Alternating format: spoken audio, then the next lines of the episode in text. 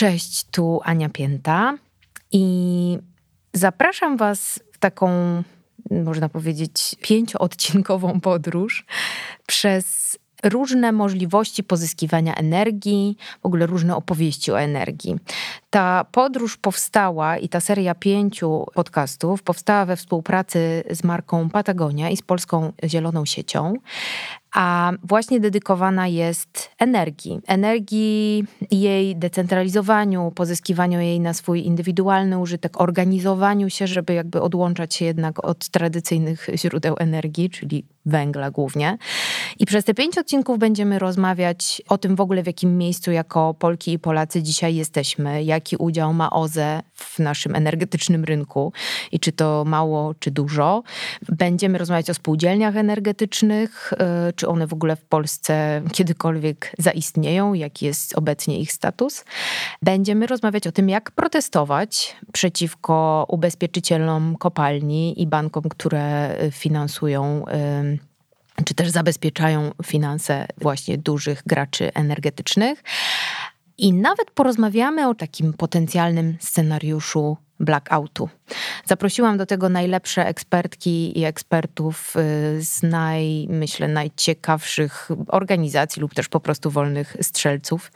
Odsyłam Was również na stronę wethepowerpolandsplash.com. Ja ją oczywiście umieszczę również w opisie odcinka, ale zobaczcie ją sobie, ponieważ tam znajdziecie również zaproszenia na debaty, które są poświęcone podobnym tematom i tam na te debaty, y, które odbywają się głównie w sieci, możecie się zapisać. Także słyszymy się w ramach tego cyklu aż do października. Ja się bardzo cieszę, że mogę w tym projekcie brać udział. Jeżeli będziecie mieli również związane z tym jakieś dodatkowe pytania, to oczywiście możecie zgłaszać je przez Instagrama czy przez maila do Mudy, bo myślę, że tak łatwo ta seria się też nie skończy i jeszcze energia się w moich spotkaniach z Wami pojawi. Dziękuję i zapraszam.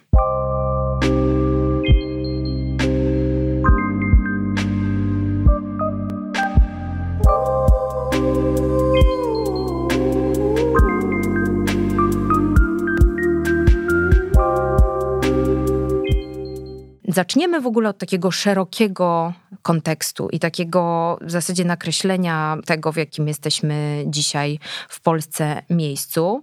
A w związku z tym moim gościem, i bardzo się z tego cieszę, jest y, Paweł Czyżak.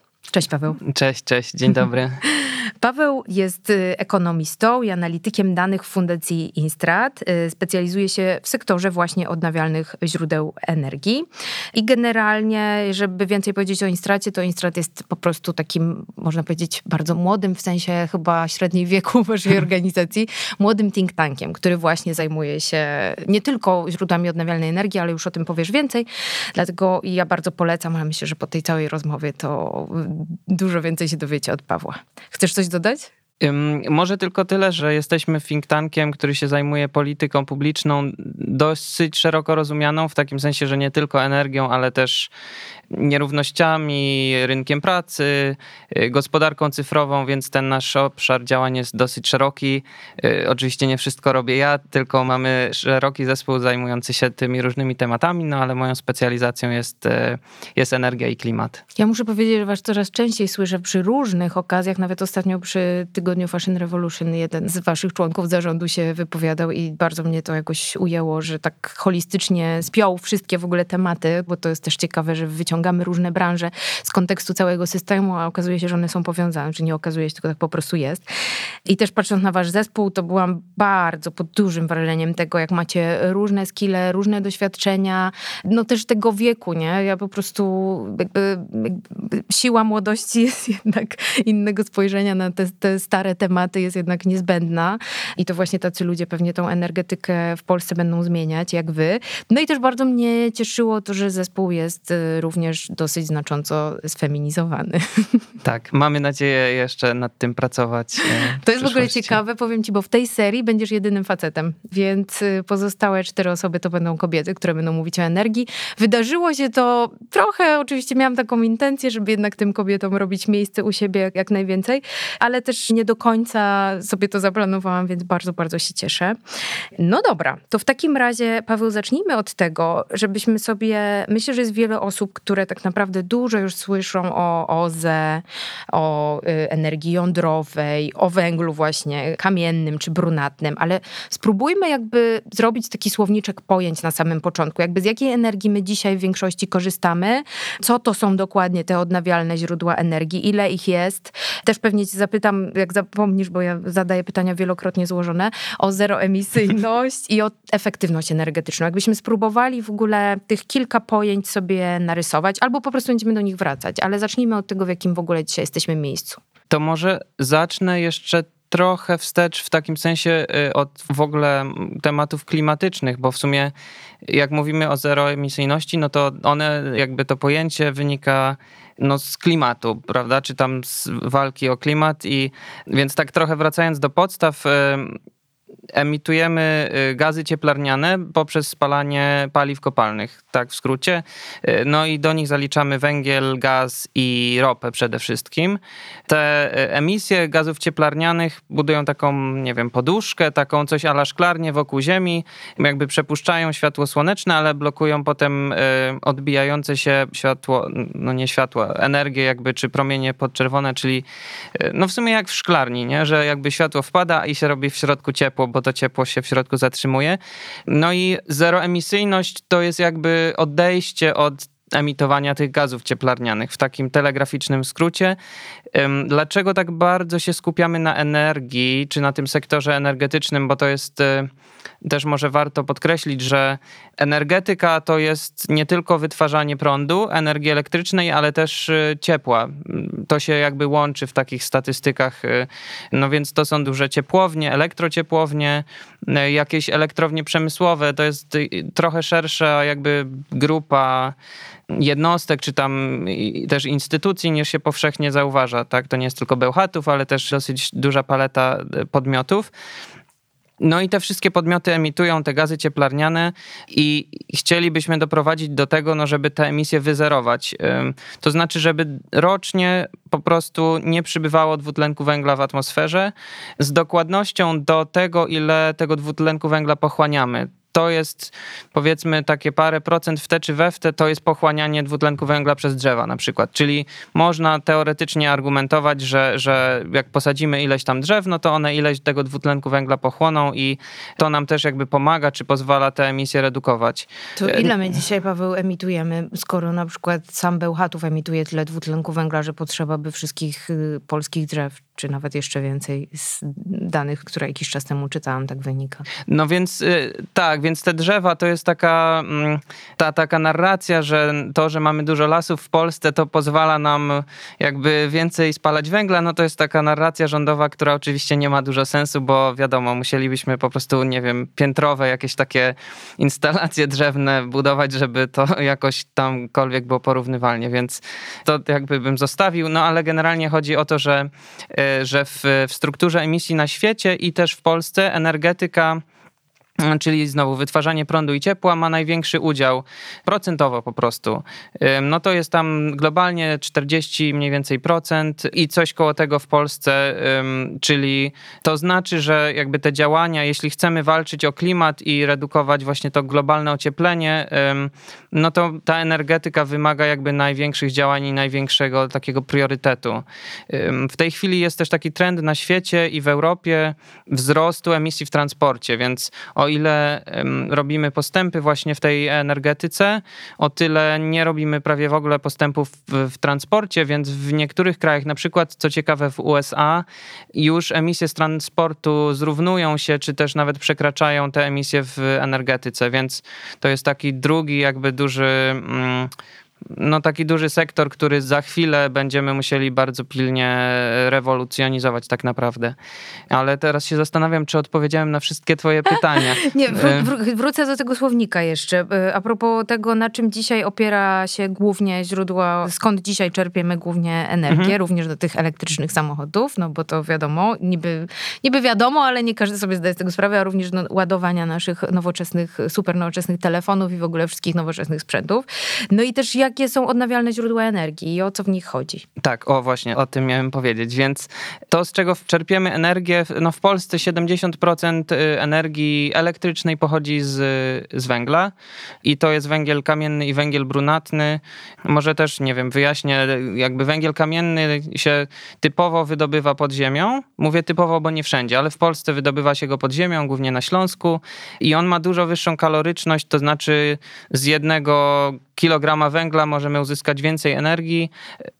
No i emitujemy więcej CO2 ym, przez to. A węgiel brunatny, no to jest taki gorszy węgiel kamienny, w sensie takim, że po prostu ma mniejszą wartość energetyczną w kilograma czy tam stony.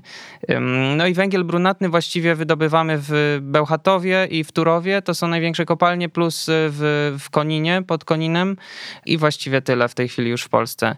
Także to są dosyć pojedyncze elektrownie, ale za to duże bardzo.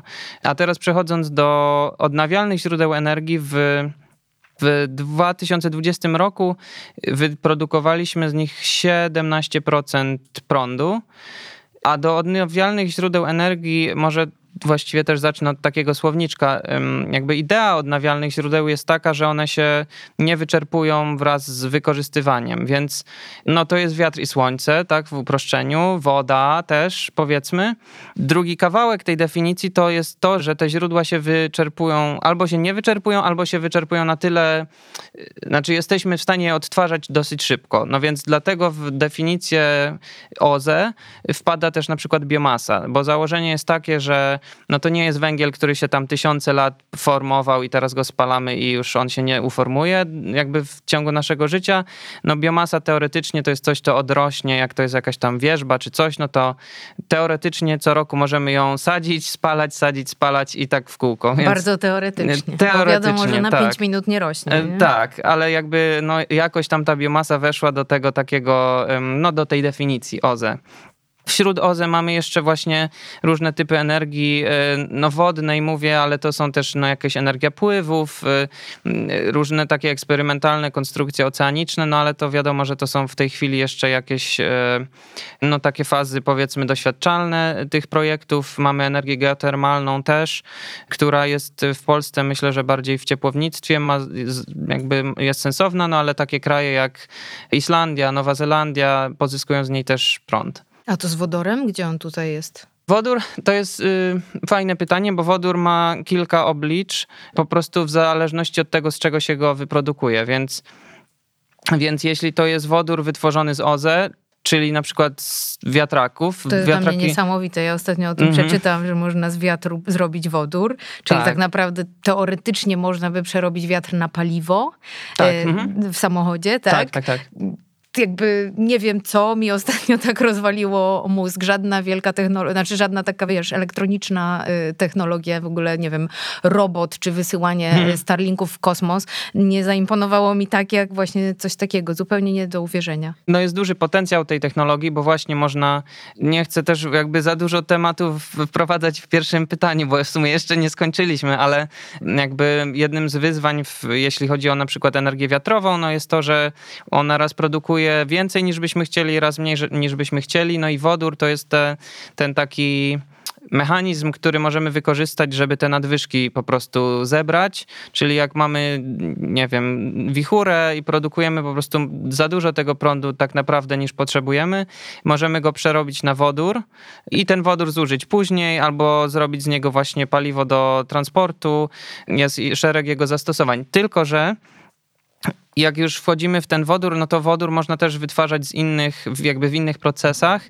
I to jest największy jakby najważniejsze rozróżnienie, czyli że zielony wodór, o którym właśnie zaczęliśmy mówić, to jest e, w tej chwili nisza w pewnym stopniu, no bo większość wodoru się wytwarza w procesach przemysłowych przy na przykład e, spalaniu węgla, czy jakby wytwarza się go z węgla czy z gazu, no co oczywiście nie jest wtedy, to nie jest zielony wodór, tylko no, nazywa się go kolorami, ale, ale w każdym razie to jest w tej chwili tańszy proces wytwarzania wodoru, no i w związku z tym no, trzeba na to uważać, tak? Nie każdy wodór jest dobry, bo, bo po prostu część z niego się, no jest emisyjna, tak? Jest wytwarzana przez na przykład spalanie węgla, więc, więc to wtedy nie ma za dużego sensu, ale jest w tej chwili tańsze. Mm.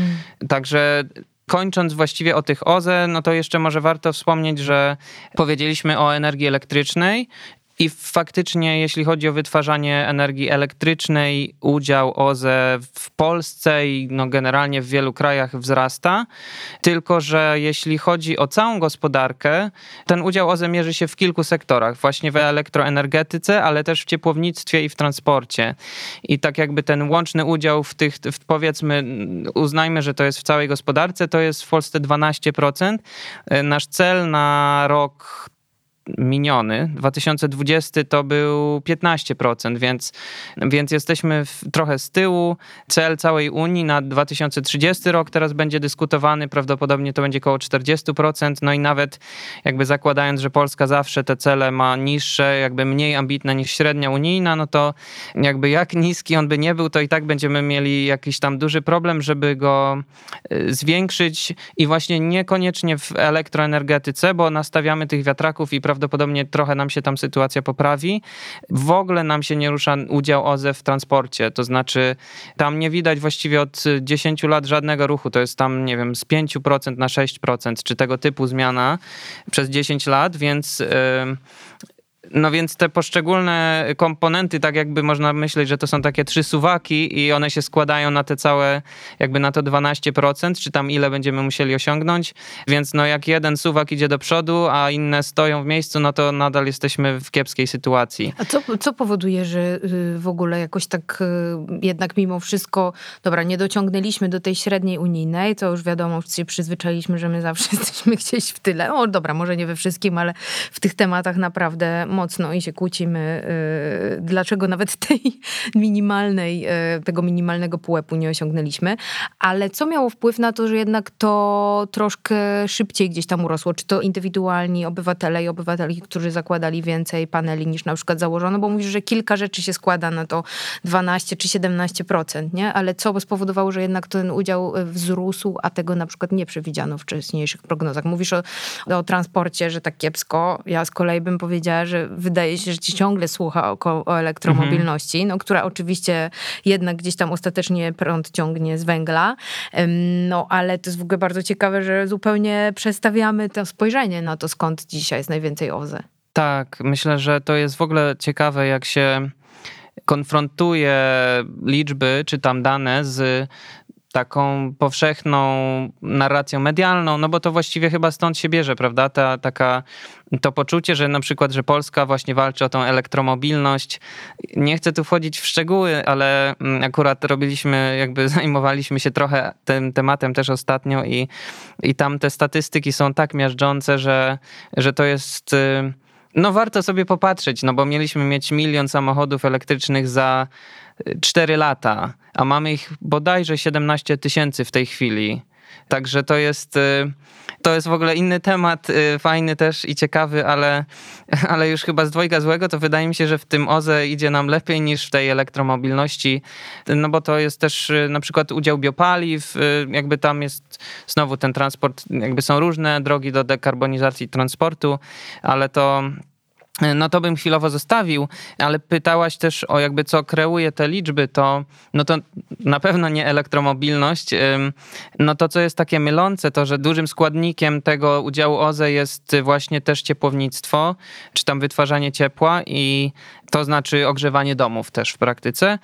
No i jakby w tym celu OZE liczy się też spalanie na przykład drewna w domach jednorodzinnych, no które ciężko uznać za bardzo ekologiczne, no ale tak jakby jak e, no tak to jest w tej chwili skonstruowane, że to też jest OZE, czy tam, nie wiem, jak ktoś słomę pali albo pelet, no jakby te wszystkie... Wiemy, że w pelecie jest mm. też klej i inne mm. badziewia, które jak... muszą to po tak. prostu z, z, jakoś złączyć. To ciekawe, to pewnie gdyby realnie jednak popatrzeć na to, jaki mamy udział OZE i odjąć jeszcze biomasę w postaci drzewa, czy peletu, czy słomy, no to może by było tak, jeszcze mniej. to by było To mniej... nie brzmi za dobrze. Nie, no i, i, i, i to jakby już nawet licząc ten pelet i to drewno i wszystko, co tam spalamy, to i tak nasz udział OZE jest, ja sobie tu zanotowałem, bo to jest ciekawe, no jest bardzo niski w skali Europy, Unii Europejskiej. A możesz porównać, jak tak, to wygląda i to w właśnie krajach? to trzeba wręcz y, no podkreślić, bo to jest, y, my możemy się cieszyć albo martwić z tego, jaki robimy jakby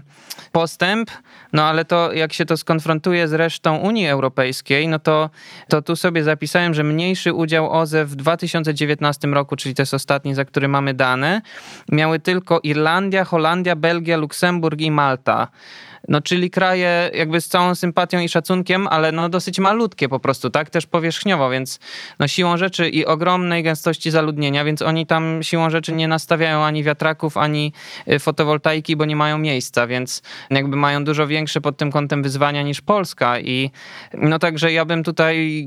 Należałoby się porównywać do Francji, Niemiec no więc i dokładnie, Hiszpanii tak? w, w których te udziały OZE to są 20, 30, 40%, więc nie czułbym tutaj wielkiej radości z naszych postępów, bo są na tle Unii Europejskiej e, dosyć mierne, mimo tego właśnie, że cele też deklarujemy niskie, no to ich nie realizujemy i no i to jest szkoda w takim sensie, że no jednak Europa, czy tam Unia Europejska jest takim no jest w takiej poczcie tak, tego całego wysiłku klimatycznego. Jeśli my nie damy tego przykładu, no to, to ciężko wymagać od innych krajów y, no, w dużo gorszej sytuacji, no, chociażby materialnej, żeby one jakby te wysiłki robiły większe, więc... Ale zapytam cię tak, Paweł, z drugiej strony, bo może my w ogóle przesadzamy, może ten węgiel to w ogóle nie jest aż taki problem. Wiesz, no tyle się mówi, że 40 tysięcy również górników straci pracę.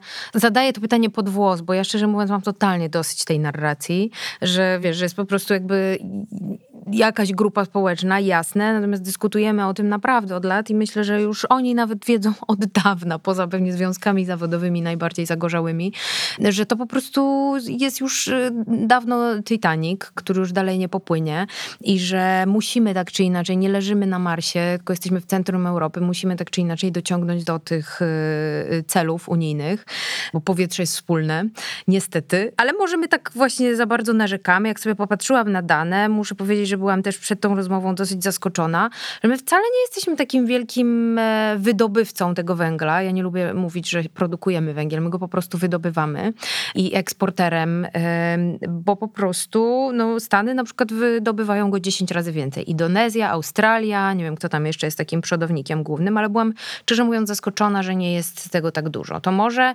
wydobywamy nie tak dużo, 40 tysięcy osób ma pracę w związku z tym, to może super, może już to tak zostawmy po prostu, co? I się nie przejmujmy tą Unią. No, byłoby pięknie. No. Ja myślę, że moglibyśmy, e, nie wiem, z Koreą Północną jakiś tam sojusz zawiązać. I jeśli chodzi o wydobycie, no to to jest kwestia jakby doboru tego punktu porównania. No, w Europie wydobywamy 95% węgla kamiennego, no jesteśmy drugim wydobywcą węgla brunatnego po Niemczech, y, no tylko, że Niemcy no, mają dosyć już poustalane do kiedy będą wydobywać i kiedy to wszystko pozamykają, więc to też jest jakby trochę inna sytuacja. My te nasze plany zakończenia wydobycia są niepewne i daleko jakby odsunięte, więc jakby w skali Unii Europejskiej no to jest w ogóle jakiś e, fenomen, powiedziałbym. Drugim fenomenem jest to, że mimo, że tak dużo tego węgla wydobywamy, to i jeszcze w dodatku go importujemy, no bo nasz węgiel jest drogi, więc jak wspomniałaś o o na przykład y, Australii, Kolumbii, Indonezji, no to my od nich ten węgiel importujemy, czy jakimś Mozambiku. I to jest ciekawe, bo akurat w przypadku tych krajów, no to właśnie Australia czy taka Indonezja, one dosyć mało tego węgla zużywają lokalnie, tylko go wydobywają i eksportują, więc jakby etycznie to ocenianie tego jest inną kwestią, ale to się wtedy nie liczy do ich emisji, nie? To nie jest trochę ich problem, jeśli chodzi o emisję. No to jest niesamowite, czyli tam wydobywają, jeszcze przez pół świata jest to przetransportowane tak, tak, tak. gdzie indziej, nie? Więc jakby dodatkowy tak. ślad. I to jest nadal tańsze niż polski węgiel ze Śląska, e, więc no, no jeśli chodzi o USA, no to e, no mają 10 razy więcej ludzi, więc mają, wydobywają 10 razy więcej węgla. Nie można tak to. Warto może porównywać to per capita. I tutaj e, ja akurat sprawdzałem e, sobie emisje per capita, które są w Polsce, no generalnie w krajach oczywiście jakby globalnej północy są wysokie, co jest też no rodzi jakieś tam pytania dotyczące sprawiedliwości, nie? że my wymagamy od takich Chin, żeby po prostu tam zamykały swoje kopalnie, no a jednocześnie nasze emisje Kowalskiego per capita są y, no akurat w przypadku Chin 30% większe y, od Chin i jakieś 5 razy większe niż w Indiach. Czyli no jak taki Kowalski mówi, że e, tam niech Chińczycy redukują emisję, a ja nie muszę, no to jest no po prostu niesprawiedliwe, tak? Bo w Indiach pięć rodzin ma tyle emisji, co ten Kowalski e, u siebie w domu, więc no... Co go obchodzą Indie? Wiesz, to jest bardzo ciekawe w ogóle znowu, myślę, że dyskusja na inny zupełnie temat, że jak kupujemy rzeczy wyprodukowane gdzieś daleko, to nas to nie obchodzi. Hmm. Ale jak mielibyśmy ograniczyć emisję ze względu na jakiś daleki kraj, to znaczy nie, to nadal nas to nie obchodzi w zasadzie. No tak, to tak. jakoś postawić na, tak. na przeciwległej szali, ale generalnie tak, że rzeczywiście mamy to bardzo, ale kupujemy jakby te rzeczy stamtąd, nie? I wtedy to jest fajnie, bo jest tanio, ale generalnie mhm. już jak zostało to wyprodukowane, to niekoniecznie niekoniecznie nas to interesuje, tak. nie? I jakby Aha, mhm. jak te kraje sobie muszą poradzić też z tymi emisjami, to my już jakby też nie chcemy mieć nic z tym wspólnego i jeszcze im mówimy, żeby to ograniczyli, nie? Tak. Więc to jest właśnie ten, ten brak dialogu, czy jakiegoś takiego połączenia globalnej północy i globalnego południa. Tak, to chyba taka mała refleksja. Tak y, i właściwie tutaj chciałem wrócić do takiej końcówki y, tego poprzedniego tematu dotyczącej OZE i tego, jak ludzie jak zwykły człowiek, jaki ma udział w ogóle w tych wszystkich liczbach i w tych wszystkich e, procesach, bo to jest myślę, że ważne w tym kontekście, że ma udział dosyć mały. I to myślę, że też trzeba sobie, to jest może trochę pesymistyczna myśl, ale trzeba to podkreślać, że no większe znaczenie ma to jakby jak się głosuje, czy jak się wywiera presję polityczną, niż to, czy się wyłączy, nie wiem, czajnik, czy tam światło, czy, bo mm, to też takie dla porównania, cały sektor gospodarstw domowych, w Polsce wyemitował tyle w roku 2019, co elektrownia Bełchatów, więc wszystkie gospodarstwa domowe w Polacy, Polsce tak. wy emitowały tyle, co jedna elektrownia tak, Bełchatów tak, przez, przez rok. Tak, tak. Więc no, prawda jest taka, że ile byśmy tam tych nie oszczędzali, oczywiście, no jakby upraszczam bardzo, tak, no ale nawet jak wszyscy wymienimy, nie wiem, oświetlenie i tak dalej, będziemy oszczędzać po prostu ile wlezie, no to to jest jednak e, no, dużo mniejsze ma przełożenie na tą praktykę i na tą tak naprawdę redukcję emisji niż nie wiem, pójście na strajk e, klimatyczny, tak, czy jakoś tam kto w, w jaki sposób e, to robi, to jest jego oczywiście sprawa, ale, no ale na tę decyzję polityczne, tak, e, które... To jest mój, w ogóle Paweł, to jest mój krok kolejny, który zrozumiałam zupełnie niedawno, czy przyszedł do mnie zupełnie niedawno po trzech latach siedzenia w tych tematach, że naprawdę nasz indywidualny wpływ jest niewielki. Taki, wiesz, tych indywidualnych, pojedynczych mikrowyborów, nie? Tak. To znaczy jakby ten naciski, co jest oczywiście dużo trudniejsze i wymagające więcej wysiłku. Może dlatego po prostu, wiesz, no idziemy w te nasze rutyny, buteleczka, coś tam i też już większość ludzi inaczej nie potrafi, tych świadomych, nie? No bo z jednej strony on jest niewielki, ale mhm. kupienie, nie wiem, 15 czy 20 plastikowych butelek w miesiącu, jak się kiedyś robiło, żeby się napić wody gazowanej, wydaje się również absurdem, tak, nie? Tak, tak. I że tych elementów, energia to jest jedno, ale mnóstwo innych, które nas atakują z każdej strony jest ogrom i ciężko sobie w tym poradzić, ale chyba ważne i myślę, że będziemy będziemy to powtarzać w ogóle w całej tej serii. Ważne, żeby dzisiaj właśnie ten punkt ciężkości przesunąć na te podmioty, gdzie zapadają naprawdę tak. kluczowe tak. decyzje.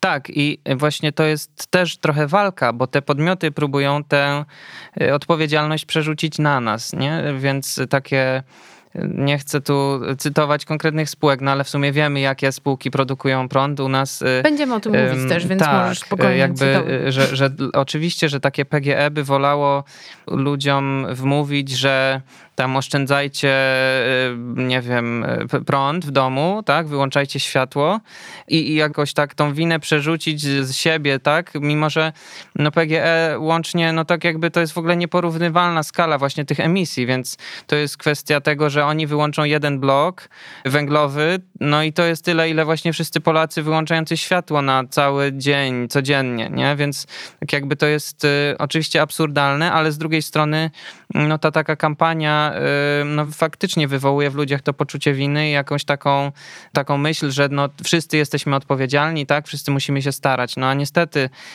no, starać się powinien rząd i zarządy tych spółek i to są ci wszyscy ludzie, którzy by mogli jednym palcem to tak naprawdę temat załatwić. Mhm. To co stoi dzisiaj, Paweł, na przeszkodzie tak naprawdę, żeby właśnie jednym palcem, może nawet dwoma palcami, a może nawet jednym wspólnym stołem to załatwić? To znaczy regulacje do tego są, możemy zamienić naszą energię na OZE bardzo łatwo. Ostatnio rozmawiałam z kimś, kto produkuje panele fotowoltaiczne i on powiedział, że wtedy jak się zmieniła też ta regulacja i OZE weszło szeroko na polski rynek, to powstało jakieś kilkanaście tysięcy firm, które takie panele zakładają. Oczywiście dużo z nich to krzaki, które mhm. za chwilę nie istnieją i z tym jest duży też problem. No ale jest dużo już sprawdzonych, które mają w tym absolutnie y, wielką wprawę i w montażu i, i potem, nie wiem, można nawet chyba w jakimś leasingu leasingu już mieć te panele, nie? że nie trzeba od razu mhm, wydawać tak, tych tak, tak. na 100 tysięcy złotych. E, wiadomo, że to się zwróci. Prąd drożeje w Polsce, co wszyscy widzimy. Jak drożeje prąd, to drożeje wszystko, bo ten prąd jest niestety do wszystkiego praktycznie dzisiaj potrzebny. No i co? I jakby my też, wiesz, jakby z jednej strony wszyscy to widzimy, no ale się tak godzimy, wiesz, płacimy więcej za jedzenie, krzyczymy na rolników, jakby zupełnie nie tam, gdzie należałoby mhm. wywierać nacisk, czyli u samej góry, co potrzeba, żeby to wszystko nam wytworzyć i dowieść do sklepu sklepów. No i co tak naprawdę dzisiaj y, stoi najbardziej na przeszkodzie, poza oczywiście jakąś zwyczajną, dobrą wolą i pewnie gdzieś jakimiś małymi interesikami, ale to może powiesz o tym. I jakbyś jeszcze powiedział też o tych naszych celach, nie? O 2049 bodajże, mhm. tak? Czy to szybko, czy, znaczy to, to nie jest szybko, nie umiem tego ukryć, że to jest strasznie późno, ale powiedzmy jakby jak nasza energetyczna historia, y, czy nasza energetyczna przyszłość, nie historia, ale jak ty to widzisz, jak to się może rysować, jeżeli będziemy szli w tym tempie, w jakim idziemy? Czy potrzebna jest po prostu, wiesz, kompletna zmiana mindsetu władzy, bo jakby już nie będę, nie o tym jest ten odcinek, się wyzłośliwiać na tej władzy, ale oni też przecież widzą, że świat i wszystko dookoła się zmienia. Jest też dużo dopłat do tej transformacji energetycznej, w ogóle do tego, mhm. żeby się przerzucić na inne źródła energii, no więc będzie trzeba. To co tam po prostu jest, wiesz, co tam jeszcze mm, tak naprawdę najbardziej uwiera i co jest tą taką największą przeszkodą? Hmm, ja myślę, że tych przeszkód jest no, wiele. I to nie jest jedyny przypadek w historii świata, w którym no, polityka i duże korporacje jakby nie spełniają się w tej roli bycia innowacyjnymi i um, jakby takiego też dbania o dobrobyt y, obywateli. Podam tu przykład inny, taki myślę, że bliższy i prostszy do zrozumienia. To jest y, przykład y, firm motoryzacyjnych, które tak jakby z premedytacją opóźniały przez wiele lat e, elektromobilność, dlatego że no to wymaga od nich wydatków, zmiany jakichś modeli biznesowych, kształcenia się, rozwijania się i tak dalej, konkurowania z nowymi firmami, z taką Teslą. Więc oni jakby przez lata e, gromadzili jakieś patenty, po prostu uwalali w te wszystkie projekty innowacyjne tylko po to, żeby to status quo utrzymywać. No i po prostu to się dzieje tak często, takie zjawiska, że czy spółki tytoniowe, tak, które znowu to są lata jakichś takich kampanii politycznych i dezinformacyjnych i tak te spółki działały od znowu od lat. To były przecież lata 70., kiedy pierwsze firmy paliwowe już wiedziały, że jest problem globalnego ocieplenia i że te emisje doprowadzą do katastrofy. No i to jest teraz 40 lat straconych, kiedy oni o tym wiedzieli, ale to specjalnie chowali, robili kampanie, jakby dyskredytowali naukowców, którzy o tym mówili. No to jest mm, taki sposób działania. No i to z tym chyba nie ma co polemizować. I tutaj mamy taką samą sytuację, że to nie jest jakby racjonalne, czy to nie jest tak, że to jest w trosce o górników. No nie oszukujmy się. Jakby, jakby ktoś się zajmował jakby z troską górnikami, no to by im zapewnił y, zielone miejsca pracy albo jakby przynajmniej mówił prawdę, jakby serwował prawdę, a nie kłamstwa, nie? No to więc to jest, y, to na pewno nie jest troska o obywateli, tylko to jest jakaś tam obrona interesów i no, spółki energetyczne to są spółki Skarbu Państwa, one są...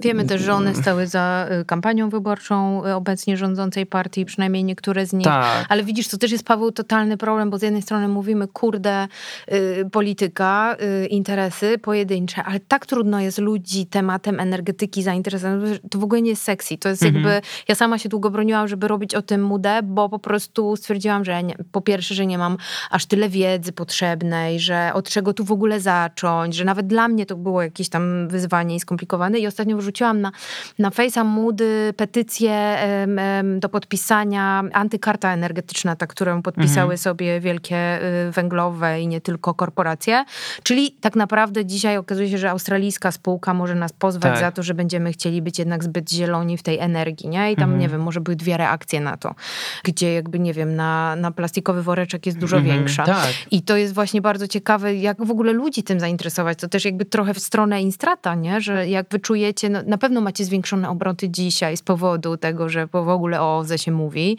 e, swojej pracy, ale czy wy widzicie w ogóle taką zmianę już, jak doradzacie, czy gdzieś występuje taką naprawdę realną, albo co twoim zdaniem takiego największego może się ostatnio wydarzyło, albo czy widzisz, bo widzisz, gadamy, trochę zapętliłam, ale gadamy o tym, że my jako pojedynczy obywatele nie mamy wpływu, no dobra, głosujemy, no to mamy, to sobie wybraliśmy w ostatnich wyborach, mhm. zagłosowaliśmy, tak. tym bardziej jakby nikt nas nie słucha, tak, bo są ważne jakieś tam mikrointeresy różne i wpływy.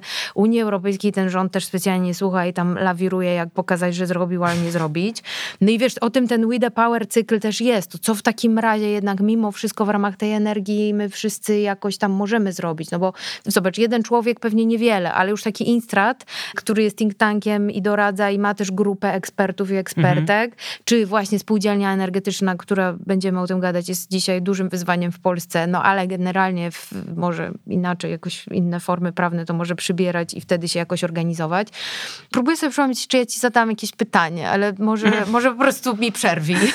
Ja, ja myślę, że um, dobrze, żebyśmy właśnie um, na tym się zatrzymali, że Właśnie, no bo nie jest celem chyba naszym, y, nas obojga jakby zostawić y, słuchaczy z taką myślą, że nic się nie da zrobić. Y, bo to raczej chodzi o to, żeby nie mieć poczucia winy, że ja nie mogę po prostu używać żelazka, tylko żeby sobie zdawać sprawę z tego, że no, trzeba rozliczać, że tą winę ponoszą politycy, spółki energetyczne i kropka właściwie.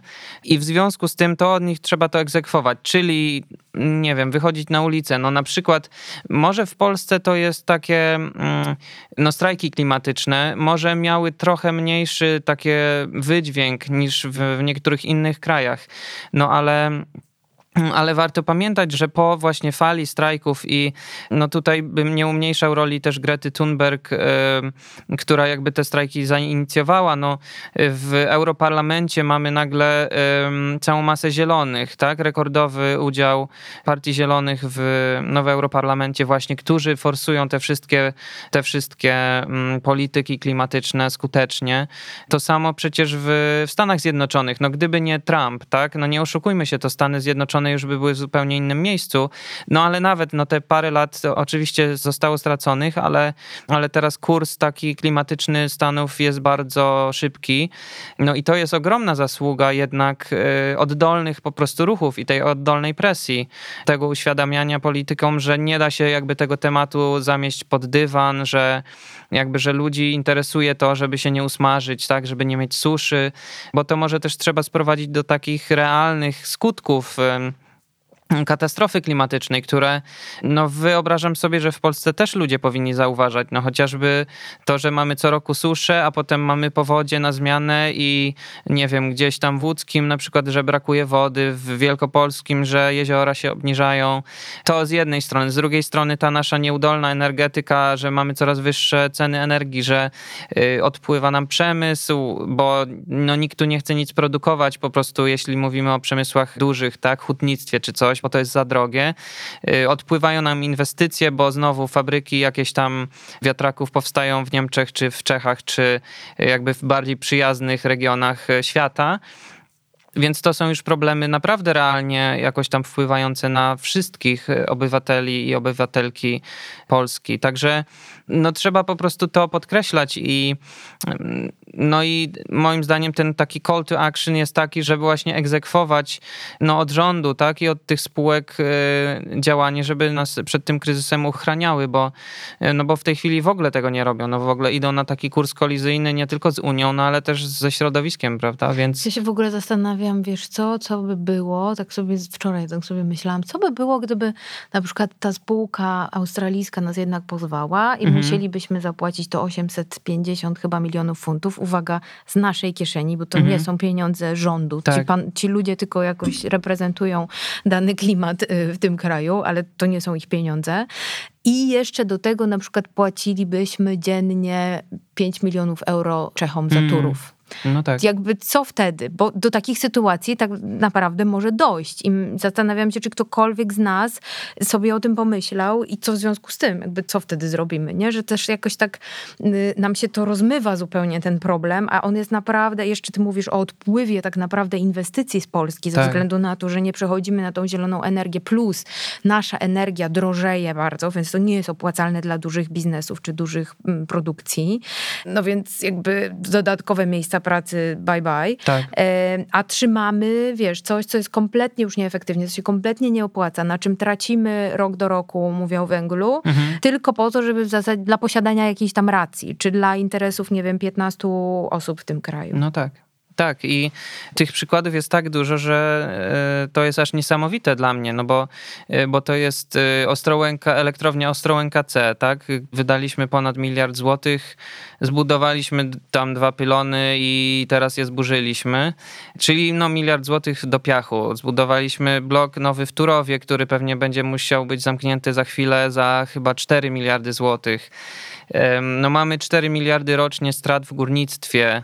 To są łącznie, to są jakieś w ogóle zupełnie chore, chore pieniądze, które no wyrzucamy tak naprawdę w błoto i, i, i mamy przez to jakąś tam dziurę w budżecie, nie możemy, nie wiem, sfinansować. Dla porównania, to jest do, myślę, że dobre porównanie, że rozszerzenie programu 500 plus o osoby z niepełnosprawnościami to jest y, tylko 3 miliardy złotych rocznie. I ile to jakby wysiłku w ogóle kosztuje, żeby o tym zacząć debatę, a to jest, y, no znowu, to nie jest nawet, to a jest 3 czwarte tego, co w górnictwie straciliśmy. Za tak. okno, nie? No. Tak. I więc to jest niebywałe, jak te um, decyzje polityczne i, i nie tylko polityczne, bo też jakby inwestycyjne spółek, naszych spółek energetycznych, jak one są nieracjonalne i no, szkodliwe dla wszystkich. Więc ja myślę, że to jest ukryte wszystko bardzo i nie bez powodu. No mówię, łatwiej jest zmusić ludzi, żeby kupili sobie butelki na wodę wielorazowego użytku, niż e, oczywiście się przyznać do tego, że właśnie wywalamy w błoto jakieś setki milionów złotych. No, no. bo siedzieli, pisali petycję do PGE, do czego bardzo na przykład zachęcam y, akurat. I, mm.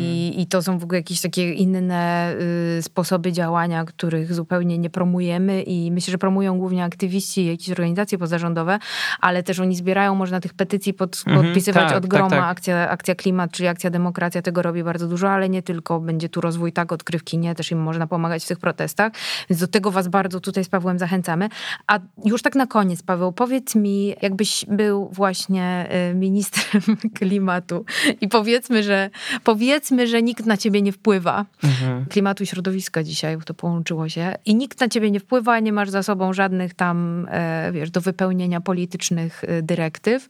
To co byś zrobił? Czy w ogóle zacząłby się na przykład od policzenia tego, ile w ogóle w takiej Polsce potrzebujemy energii, może nie wiem, takiej, wiesz, efekty wyliczenia efektywności energetycznej, może nie wszystkie autostrady muszą się palić tak jakby, wiesz, był dzień, czy reklamy podświetlone 24H. Ja rozumiem, że to też znowu nie jest mm -hmm. aż taki udział, ale czy właśnie to byłby pierwszy krok i dopiero potem do tego dobranie źródeł energii, bo dzisiaj ja widzę też taką dużą, to nawet trudno nazwać debatę, głównie panów przekrzykiwania się i naukowców, i biznesu, biznesu i właśnie różnych y, specjalistów innych. Atom, nie, atom nie. Tak, atom tak. A OZE nas uratuje. Znaczy nie, bez, samo OZE nie. To może jednak tylko atom. Nie no, tylko atom to też nie. To może miks. I teraz y, jak ty czujesz, albo co wynika, może, może już bez czucia, co mhm. wynika z waszych badań tak naprawdę i co ty byś zrobił mając te wszystkie dane, które pewnie w Instracie zbieracie? To myślę, że dobrze zacząć właśnie od końca, bo słyszymy dużo, że to są jakby kwestie takie, że nie wiadomo. Wydaje mi się, że jakby cały ten sposób prowadzenia tej narracji spowodował, że przeciętny człowiek ma poczucie, że nie wiadomo właściwie, co jest dobre.